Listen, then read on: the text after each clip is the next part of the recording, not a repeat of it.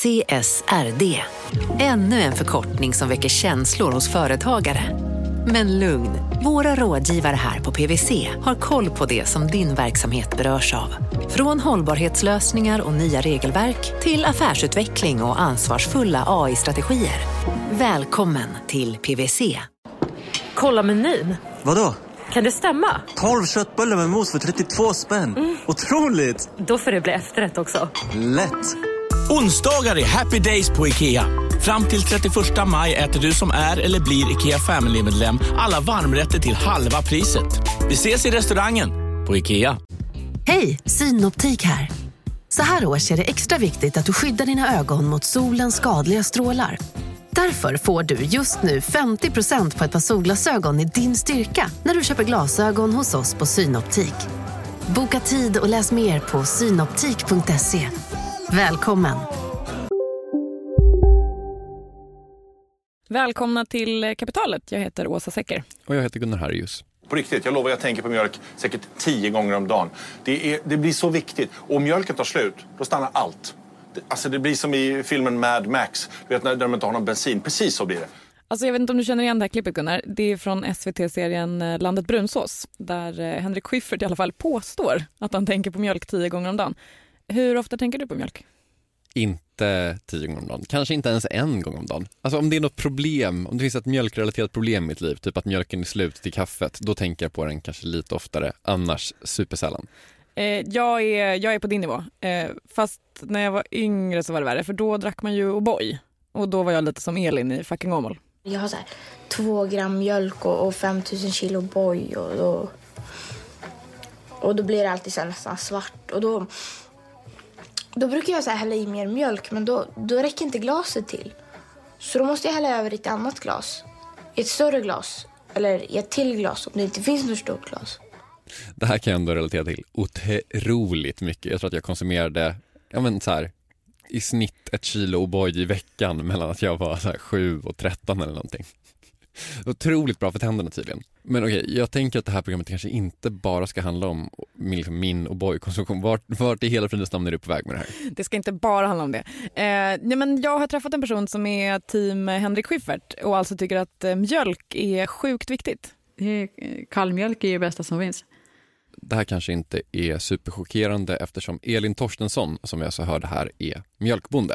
Ja men precis. Elin Torstensson är mjölkbonde. Hon tycker att mjölk är det bästa som finns. Hon är uppvuxen på landet. Hon vet liksom inget annat. Hennes pappa var mjölkbonde och så för ett gäng år sedan så tog hon över sin föräldragård. Den ligger en bit utanför Uppsala. Och så har hon då 26 mjölkkor. Alltså jag vet inte hur det är för dig, men när jag tänker på mjölkbönder då tänker jag direkt typ shit det verkar kämpigt. Mm, det verkar verkligen kämpigt. Man liksom ser framför sig så svarta rubriker så mjölkbönder som går på knäna och som är liksom arga för att mjölkpriset är för lågt. Och då tänker man ju, ja men höj priset då. Jag, jag kan betala några spänn till för min mjölk, det är lugnt. Jag tror att liksom jättemånga skulle kunna göra det.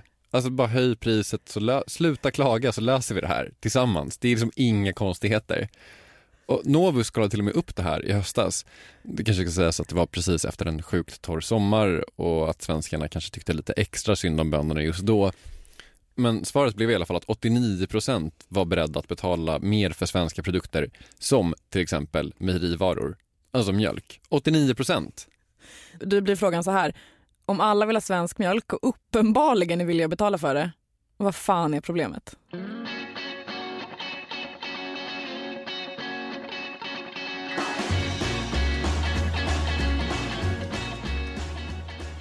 Idag handlar kapitalet om det vita guldet, alltså mjölk. Mm. Svaret på vad som har gått fel gömmer sig någonstans mellan smörberg, mjölksjöar och såklart den allsmäktiga teorin om utbud och efterfrågan som i det här fallet, i alla fall ibland, har satts lite ur spel. Så vad fan problemet är efter det här.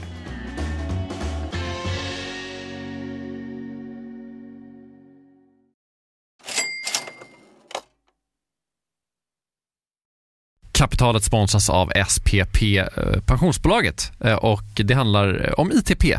Exakt, kort repetition eller? Ja, du lärde mig förra veckan att eh, på 70-talet så var det så att arbetsmarknadens parter bestämde att alla tjänstemän ska ha en tjänstepension och eh, man kom då överens om vilka villkor som skulle gälla och så kallade man den här pensionen för ITP. Och eh, är det så att man är tjänsteman i ett företag med kollektivavtal, då har man förmodligen eh, ITP, alltså man har förmodligen den här pensionen. Minne som en elefant. Ja, otroligt. Ja. Eh, har man den här pensionen, ITP, eh, då kan man också påverka den. Eh, vart femte år så, så, gör man då nämligen en enorm upphandling. Mm. Eh, det är Collectum som gör det, också ett sånt här namn som man hör ibland. Mm.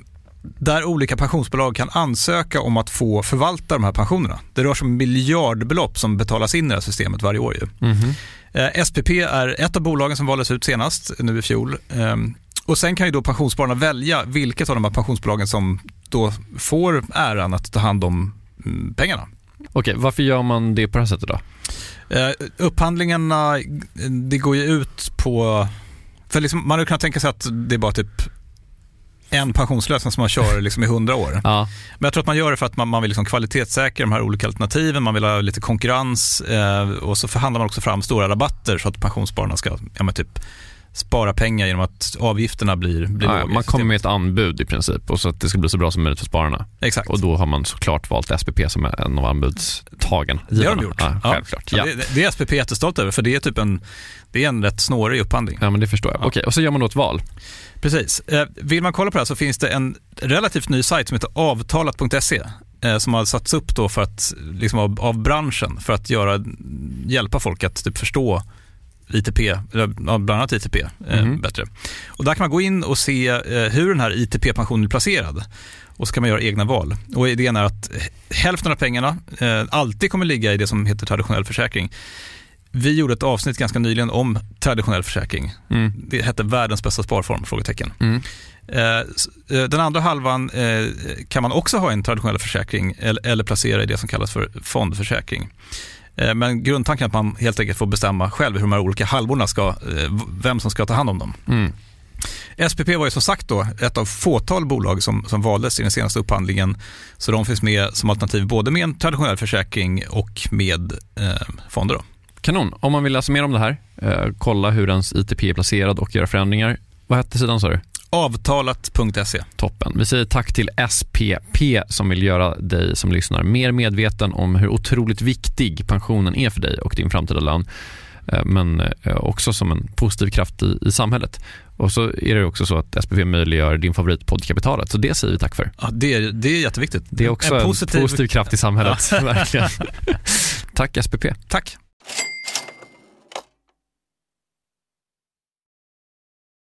Kommer du ihåg vad du gjorde den 21 september 2015? Nej, hände något speciellt? Jag kommer inte heller ihåg. Men vi, vi leker med tanken att du råkar passera riksdagshuset. Då kanske du hade prickat in eh, det här. Här kommer jag, bonde ifrån Sätta. Ni måste lyssna nu för jag har något att berätta. Regeringen säger att ni bönder ska bort, men då säger jag Stopp, stopp, stopp! Vad tror ni egentligen kommer att ske? Okej, okay, det här är, det här är something, alltså. Vem är det här?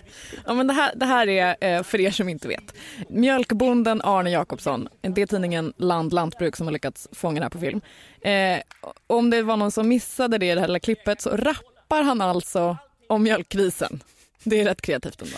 Av alla mjölkbönder som rappar om mjölkkrisen så är Arne Jakobsson kanske min favorit. Topp tre i alla fall. Min med, han slår sig in. Det här är ju eh, lite kul. Men egentligen så är ju Arne Jakobsson eh, skitförbannad. För att hösten 2015, då är det total mjölkkris. Mjölkpriserna är liksom nere på samma nivåer som på 80-talet, trots att liksom kostnaderna har gått upp en massa såklart. Bönderna klappar ihop sina gårdar på löpande band, det är kaos. Eh, I Bryssel så har man en lite annan proteststrategi än vad Arne har. Där kör man liksom fram traktorer framför EU-kommissionen och dumpar en massa hö som man sen typ sätter eld på. Det ser ut så på filmerna i alla fall. Alltså Arne Jakobsson i all ära, men alltså europeiska bönder sopar ju banan med svenskarna vad det kommer till att protestera. Det måste man ändå ge dem. Det, det, det får vi ge dem. Eh, redan innan det har gått så här långt så har mjölkbonden Elin Torstensson, om ni minns, hon har liksom förstått vartåt det barkar kan man säga. Så hon sitter där på sin mjölkgård några mil utanför Uppsala och liksom ser hur mjölkpriset blir lägre och lägre och lägre. Jo, men för varje sänkning tänker man vad i helvete, eller liksom, vad ska man göra? Liksom? Till slut kommer hon på vad hon vill göra och vi kommer till det. Men först så vill i alla fall jag fatta så här, varför var det total kris? Alltså, det är inte direkt så att mjölkpriset bara sjunker och sjunker och sjunker helt utan anledning tänker jag. Exakt, det vill man förstå. Eh, och jag tänker att för att fatta hela den grejen så måste vi liksom spola tillbaka bandet till förslagsvis 1951. Europa är liksom inte något eh, happy place just då. Nej, det är typ en kvart efter andra världskriget och det är liksom, ja, Europa är i ruiner helt enkelt. Sönderbombat, trasigt. Eh, 1951 så försöker man ha lite framtidstro, så då bildas eh, kol och stålunionen, det är liksom eh, tidigare eh, namnet på EU. Alltså det, det, är, det är verkligen det bästa namnet på en union. Man borde verkligen aldrig bytt till EU. Kol och man ska liksom så här forma det nya Europa av kol och stål. Alltså det är så jävla... England hade aldrig gått ur om det hade hetat kol och stålunionen fortfarande. Det är så tydligt liksom, vad man menar. Mm. Um, men Europa var eh, trasigt. Uh, jordbruket producerade inte på max kan man säga. Den mesta maten importerades. Och då bestämde man sig för att det här måste vi styra upp. Vi måste sätta fart på jordbruket.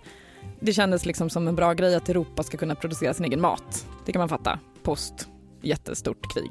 Ja, men även bara överhuvudtaget gött att ha käk. Eh, Och 1962 så kickar man igång någonting som kallas för CAP. Det står för Common Agriculture Policy. Målet med CAPen, som jag kallar det, det är att eh, styra upp eh, jordbruket. Man vill att europeiska bönder ska producera mer. Konsumenterna ska ha råd med det som de producerar. Och så vill man att bönderna ska gå runt, typ att landsbygden ska överleva ungefär. Och det här gäller ju såklart även mjölkbönderna. Så man tänker, hur motiverar man någon att göra någonting och hur motiverar man mjölkbönder att producera massa, massa mer mjölk med cash? Vad annars? Vad annars? Eh, EU sätter liksom i princip igång och viftar med sedelbuntar framför näsan på mjölkbönderna. Rent konkret så inför man ett garanterat lägsta pris för mjölken inom EU. Ett pris som dessutom ligger över det globala marknadspriset. Eh, man inför också tullar på importerade produkter. Så man gör liksom allt man kan för att skydda den inhemska produktionen. Summa summarum, oavsett hur mycket mjölk bönderna producerade så lovade EU att köpa den till ett garanterat lägsta pris. Man kan verkligen se vart det här är på väg, liksom 10 mils avstånd. Alltså en bonde, en mjölkbonde kan inte gå back för att EU har lovat att köpa mjölken till dyrare än marknadspriset. Man är ju en, verkligen en kass bonde om man inte får igång det här då. Så är det. Och surprise, surprise, det blir en jäkla fart på produktionen. Eh, och under den här tiden så utvecklas ju såklart eh, tekniken som den ju gör. Så bönderna producerar sjukt mycket mjölk. Mm. Och trots att man inför liksom importtullar för att inte få in så mycket mjölk från liksom utanför EU så liksom svämmar unionen över av mjölk. Och EU gör det de har lovat. De köper upp allt. De köper upp överskottet till det här garanterade lägsta priset. Mina damer och herrar, låt mig presentera smörberget. Och ej att förglömma mjölksjöarna. Eh, smörberget i siffror. Eh, I mitten av 1980-talet så hade EU alltså 1,3 miljoner ton extra smör lagrat.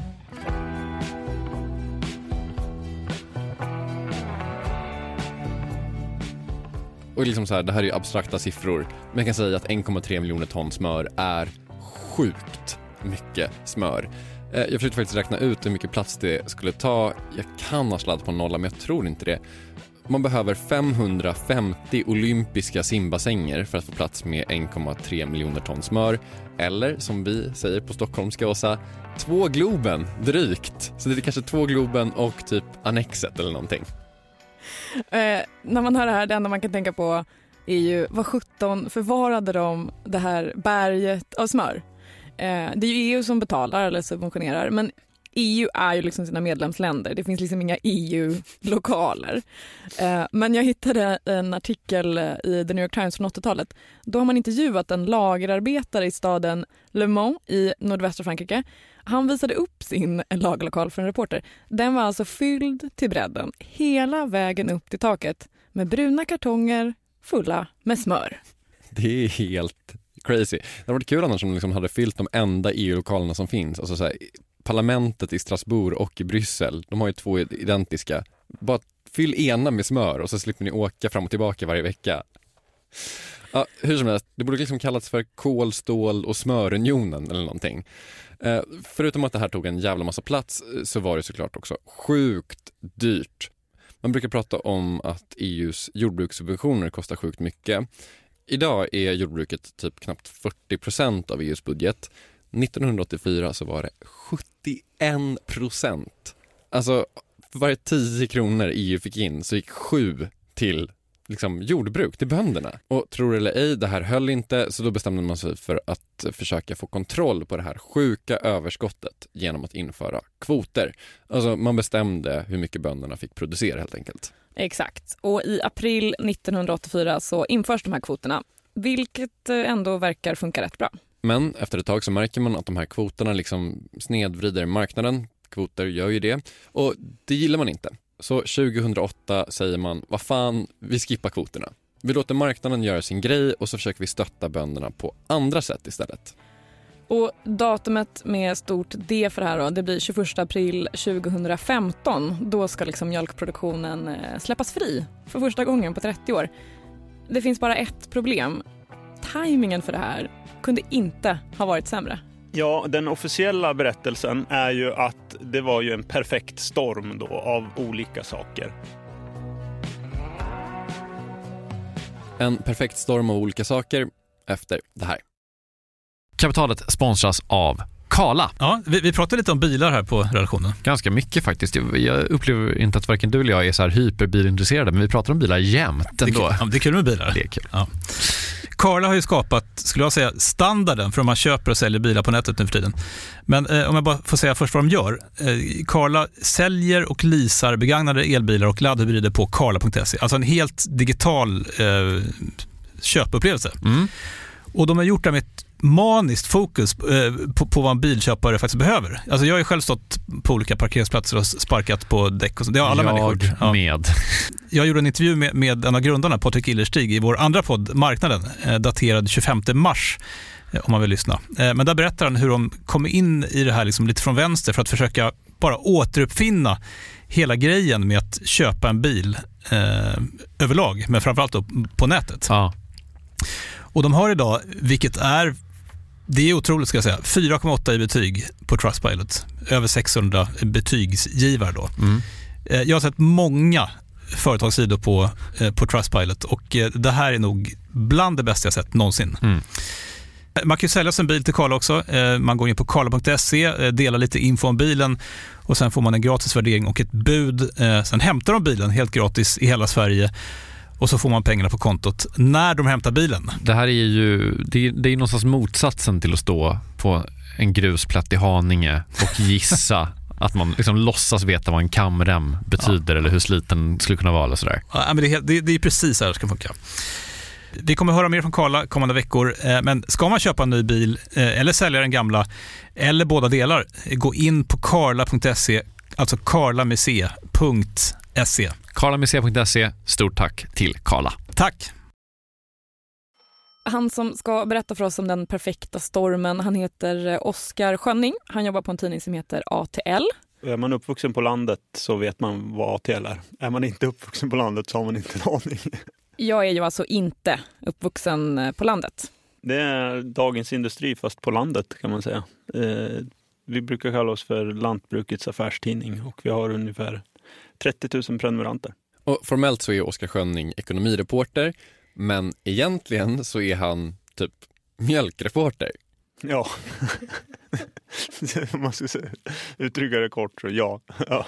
Okej, tillbaka till den där eh, stormen. Vad bestod den av? EU slopade sina mjölkkvoter, vilket ju var liksom, det kände man ju till. Och sen, men sen så kom ju då, om det var sommaren 2014 redan som det ryska importstoppet kom eh, på mejeriprodukter, då, vilket ju gjorde att det blev ju ett överskott i Europa. Och det är som en effekt av Ukraina-krisen. EU inför sanktioner mot Ryssland. Ryssland svarar med att sluta importera europeiska produkter. Ja. Okej, från en dag till en annan så blir EU liksom av med hela den ryska marknaden samtidigt som man skippar kvoterna. Men dessutom var det två grejer till som hände. Eh, och sen fanns det lite andra små slamkrypare här. Man pr pratar väl kanske om inbromsningen i Kina och sen så ett, det minst ombesjungna är ett eh, ska se om jag säger rätt nu då, fosforreglering i Holland. Holland är en väldigt viktig mjölknation. Eh, Eh, och då producerade man eh, mer då där innan. Så att, vilket gjorde att man, det var att man fick ett överskott framförallt på den europeiska marknaden. Då. Och det här med fosfor handlar alltså om att mjölkindustrin släpper ut en massa fosfor. I Holland hade det här spårat ur fullständigt och då försökte man få koll på det genom olika regleringar. Innan det där skulle träda i kraft så producerade man som 17 utbudet ökade, vilket ju gör att priserna sjunker. Klassisk utbud och efterfrågan-grej. Eh, och det är den så att säga officiella berättelsen, även i Sverige, varför det gick så dåligt. Det gick verkligen superdåligt för bönderna. Eh, om man till exempel tar Arlas mjölkpris så var det nere på 2,60 för konventionell mjölk i juli 2015. Idag ligger det på 3,34 och det är alltså den mjölk som eh, inte är ekologisk. Den del som man inte pratar så mycket om, då framförallt från Arla och Norrmejerier och de andra företagen, det var ju att bolagen eller kooperationerna vid den här tiden var ju väldigt inställda på expansion. Alltså man ville öka sin försäljning.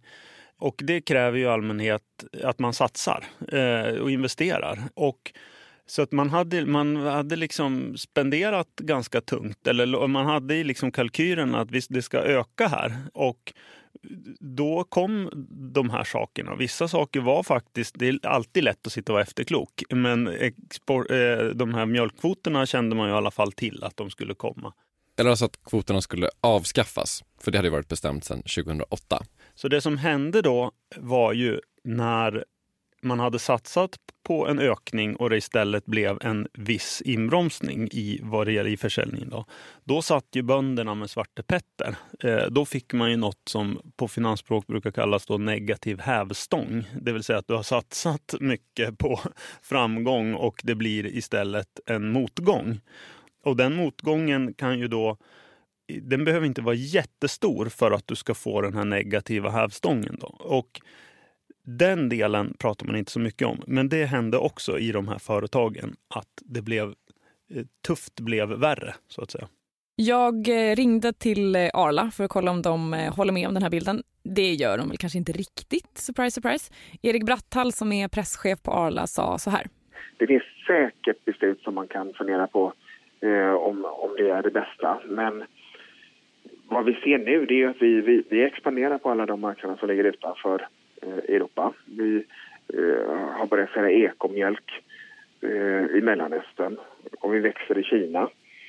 Så att alla de här investeringarna har, har krävts för, för att komma igång och få in fötter på, på de här marknaderna som ligger långt bort. Tufft blev i alla fall värre för mjölkbönderna oavsett orsakerna. Det är inget drömscenario för någon Eh, såklart inte heller för mjölkbonden Elin Torstensson som precis vid starten av den här krisen ju sitter vid sitt köksbord och funderar på vad 17 hon ska ta sig till.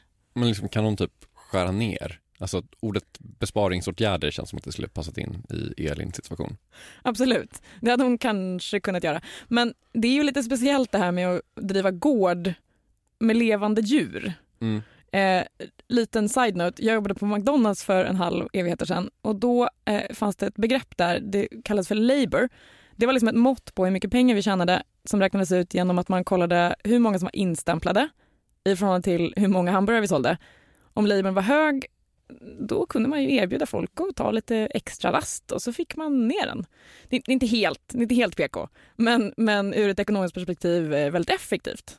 Säkert. Eventuellt svårare på en mjölkgård. Ja, det är svårt att säga till en ko, kan du ta rast en stund? Du har ju x antal djur, du har, alltså, du, du, du kan inte göra några egentligen besparingar eller till exempel om du har en lön och du vet att du kommer få 5 000 mindre, kan du ju kanske välja att köpa eh, inte vet jag, mindre kläder eller du, du kan inte spara lika. Men, alltså, men här kan du inte liksom det är svårt att dra in på någonting när du håller på med det här. Djuren är de är och de äter det de äter.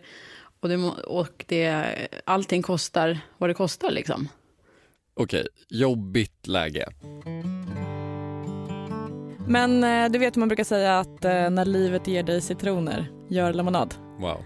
Eh, heter man Elin Torstensson, då kanske man istället säger när mjölkpriset sjunker, köp en mjölkautomat. Det låter kontraintuitivt, eller? Nej, det är det inte. Vi kommer till den här automaten alldeles strax. Men först bara, har du varit på mjölkgård, Gunnar? Alltså jag tror att jag var på så här, äh, vad heter det, kosläpp eller kalvsläpp eller sånt där, i typ lågstadiet. Det tror jag är senaste gången. Härligt. Att åka till en mjölkgård, det var kanske det härligaste jag gjort i hela mitt liv.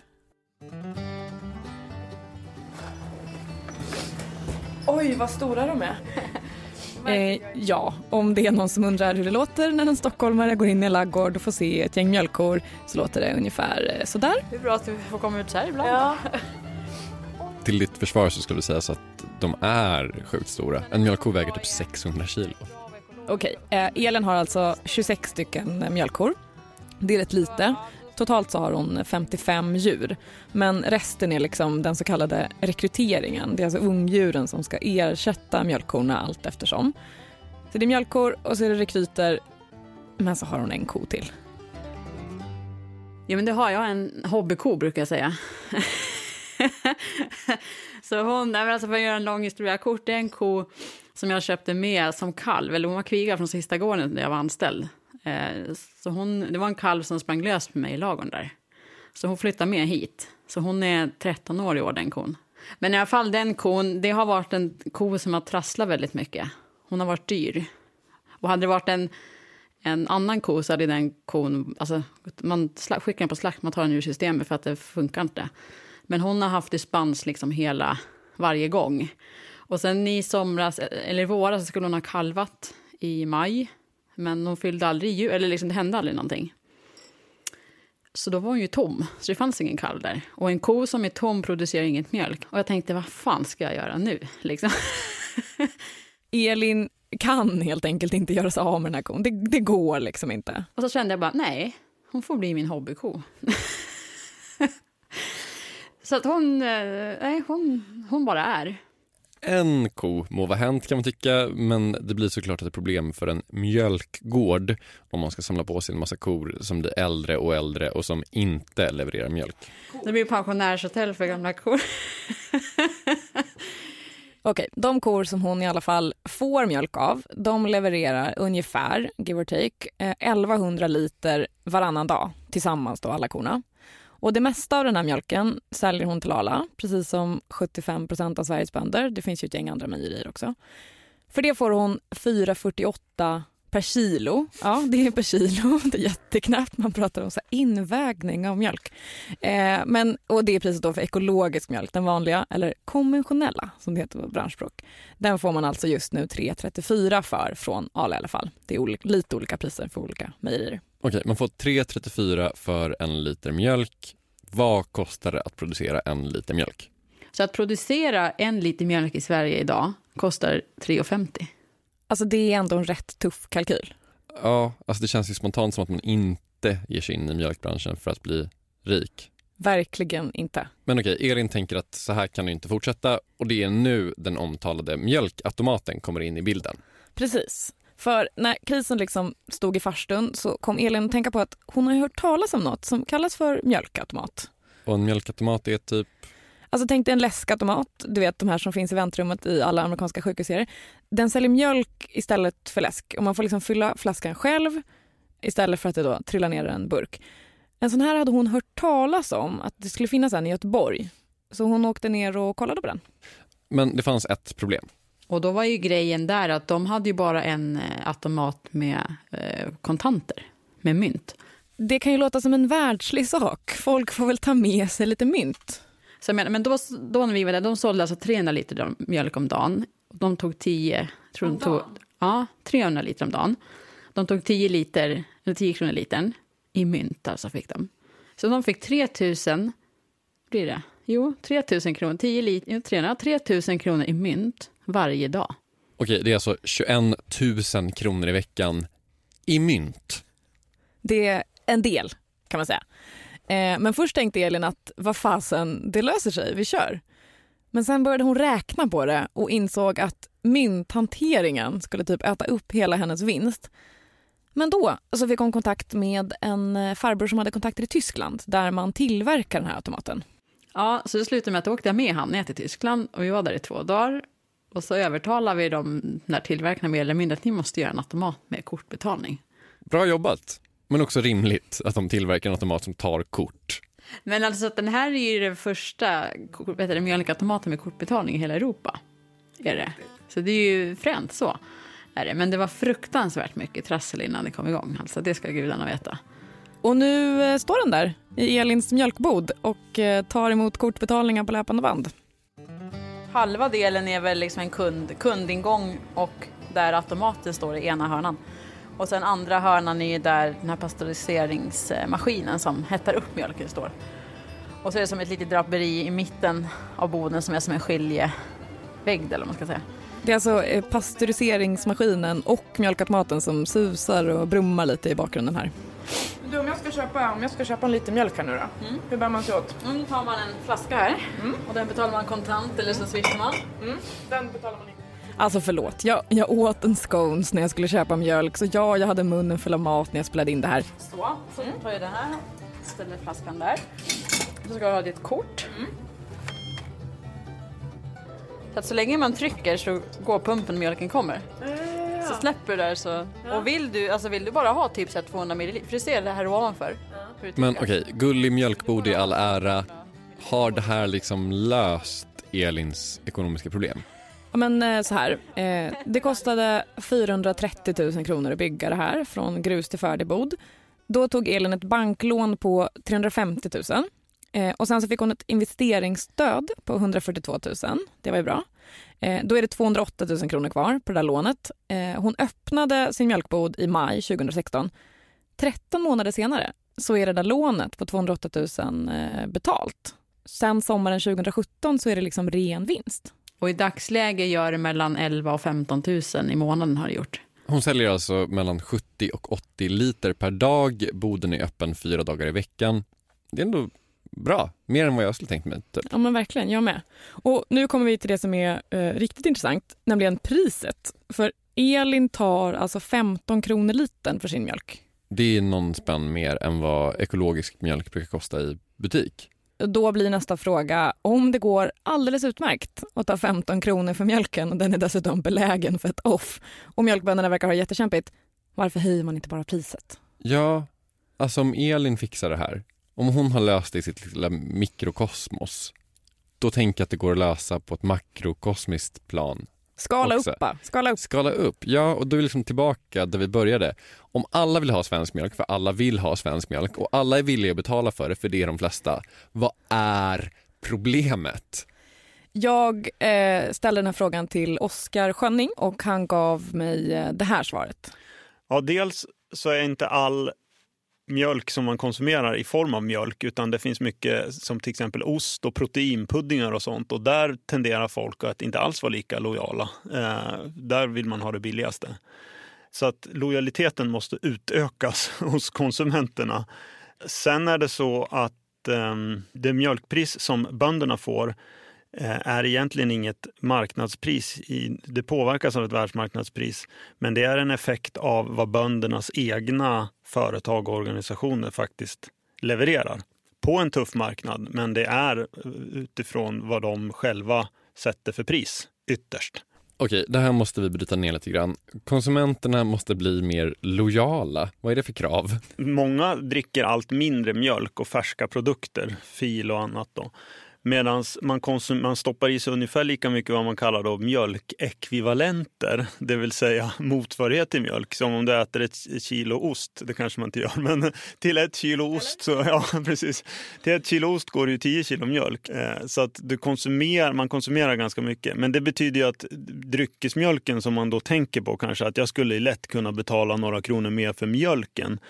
Det må vara hänt, men det spelar inte så jättestor roll då på, på hela. För då ska ska du också betala mm, 10, alltså 10 kronor mer för osten, eller 20 kronor kanske mer. Man tenderar att vara nationalist när det gäller de färska produkterna.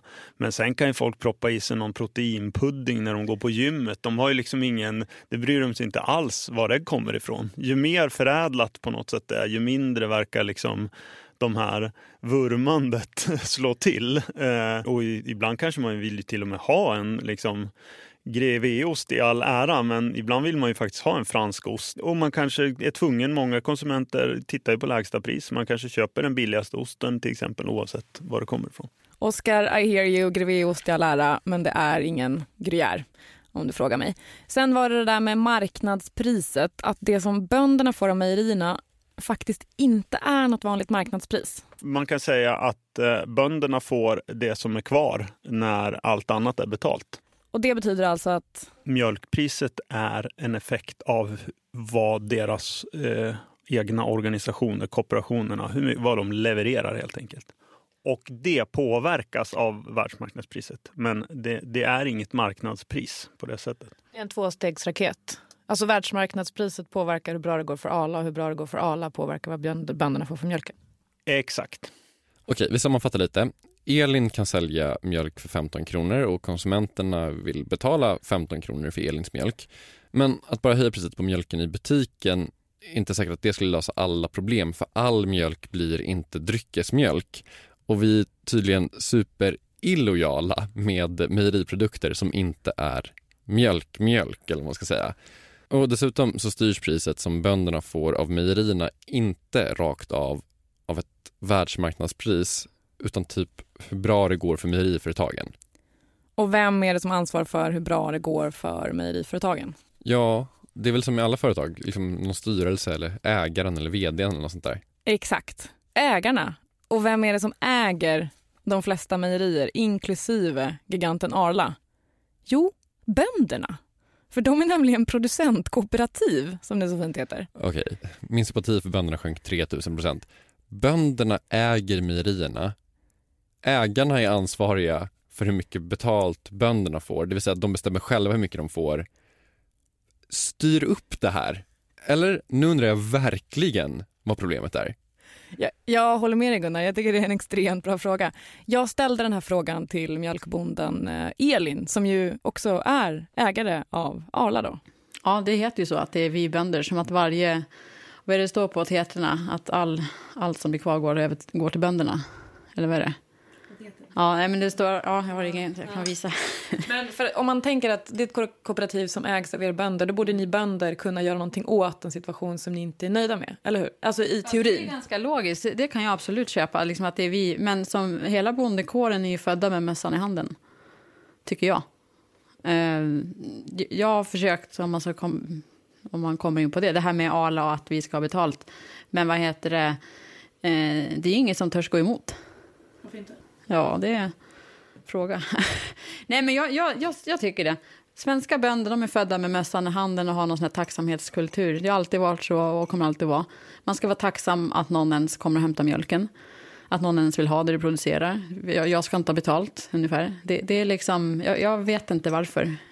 Men egentligen, i teorin, så skulle, om ni var tillräckligt många så skulle ni kunna gå ihop och ändra på det här som att ni på pappret äger alla, eller? Varför inte? Se hur det är i Frankrike. Där är det bara en visselblåsning, sen kommer alla. I Sverige törs man, man står hemma på gårdarna och svär. Och sen gör man inget mer. Och sen, sen eh, ja, jag tycker att det är så tyvärr. Okej, ord och inga visor. Det ska sägas att det är Elin som tycker så här. Det finns garanterat andra bönder som inte håller med. Ja men så är det. Eh, och även om Elin på pappret liksom är Arla så skulle jag nog vilja säga att hon liksom inte känner sig som Arla. Eh, så jag har också ställt den här frågan till Arlas presschef Erik Bratthall. Alltså varför man inte bara höjer priset till bönderna. Han menar att Arla betalar så mycket de kan eftersom att Arlas hela mission typ är att de ska betala ägarna, alltså bönderna, så mycket de bara kan för mjölken. Men det går inte att komma ifrån att det finns en massa bönder som inte är nöjda med det här priset. Det har liksom inte undgått någon. Och då är vi tillbaka på det här med osten och illojala konsumenter. Det finns en, en, en stor livsmedelsimport. Det är jättemånga konsumenter som väljer sina livsmedel efter, efter plånbok.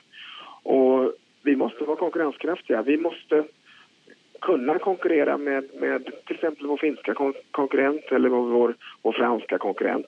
Okej, vi fattar det här med osten. Vi borde köpa mer svensk ost, tycker ostproducenterna, no surprise. Men det finns ett problem till om man skulle vilja höja mjölkpriset till de svenska bönderna.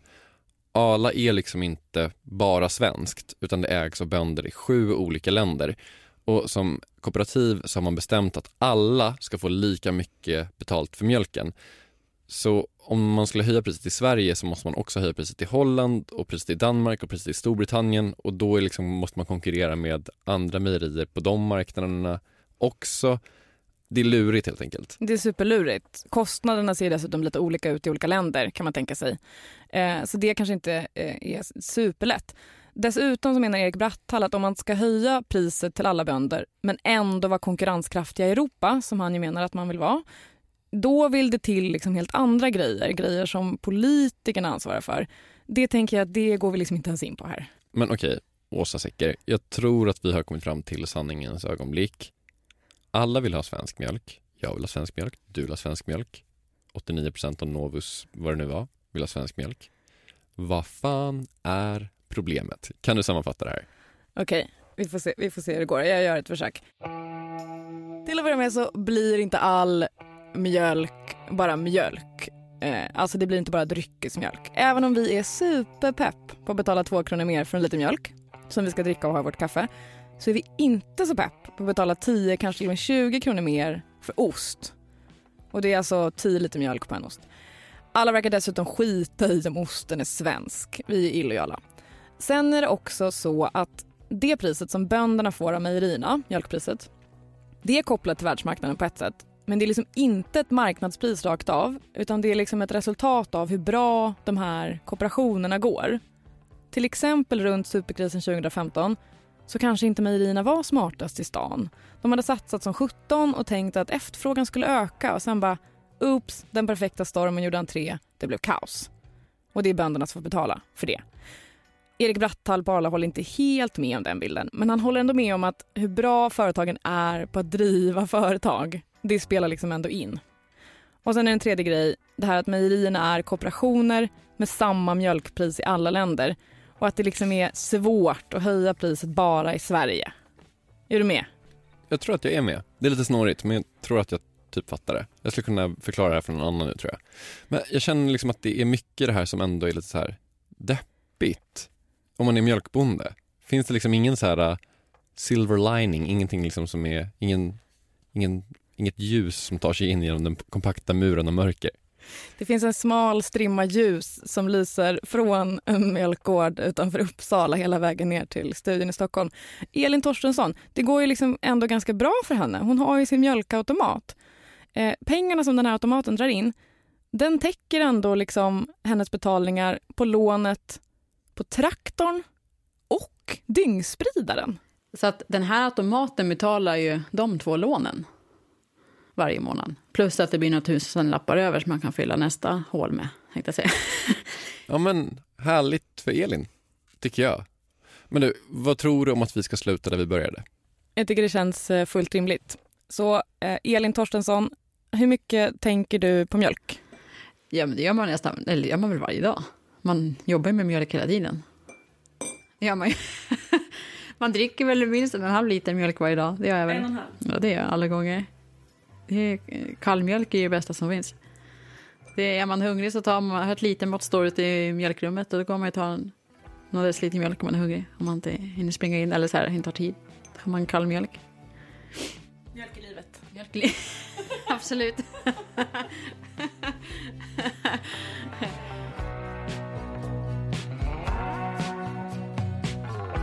Kapitalet är slut för idag. Följ oss gärna på Instagram, där heter vi Kapitalet. Där kan man till exempel få se en bild på Elins mjölkautomat, bland mycket annat. Ja, gör det bara. Nästa vecka är vi tillbaka med ett nytt avsnitt. Hej då!